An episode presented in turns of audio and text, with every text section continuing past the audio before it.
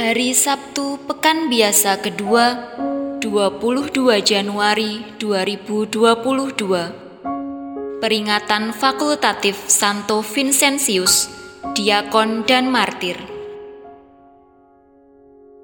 Bacaan pertama diambil dari kitab kedua Samuel bab 1 ayat 1 sampai 4 dilanjutkan ayat 11 sampai 12 dilanjutkan ayat 19, dilanjutkan ayat 23 sampai 27. Ketika kembali sesudah memukul kalah orang Amalek, Daud tinggal dua hari di Siklak.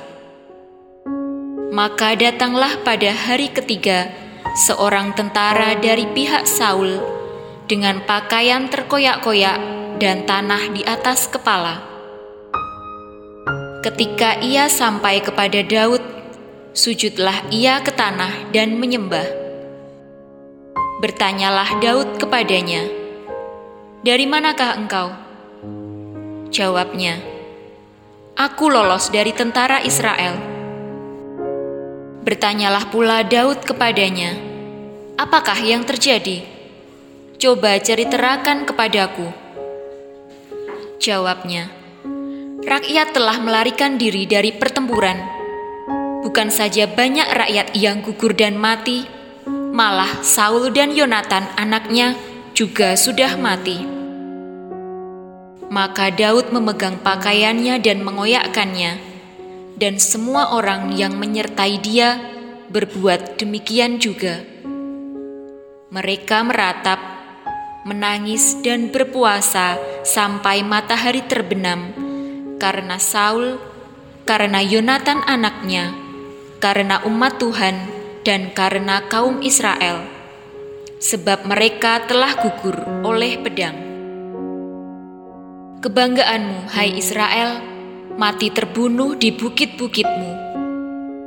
Sudah gugurlah para pahlawan, Saul dan Yonatan, orang yang dicintai dan yang ramah, dalam hidup dan matinya tidak terpisah. Mereka lebih cepat dari burung raja wali. Mereka lebih kuat daripada singa. Hai anak-anak perempuan Israel, menangislah karena Saul yang mendandani kamu dengan pakaian mewah dari kain kirmizi, yang menyematkan perhiasan emas pada pakaianmu.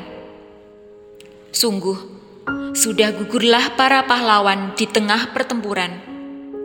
Yonatan mati terbunuh di bukit-bukitmu.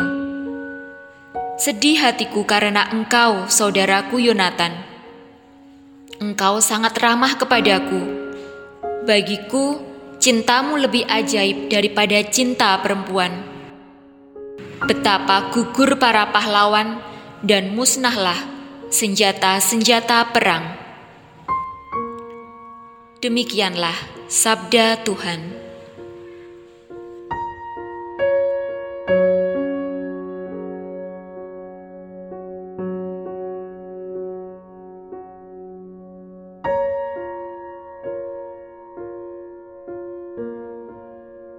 Bacaan Injil diambil dari Injil Markus bab 3 ayat 20 sampai 21.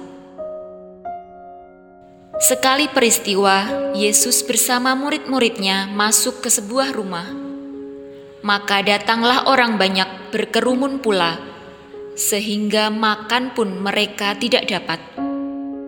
Waktu kaum keluarganya mendengar hal itu, mereka datang hendak mengambil dia, sebab kata mereka, "Ia tidak waras lagi." Demikianlah sabda Tuhan.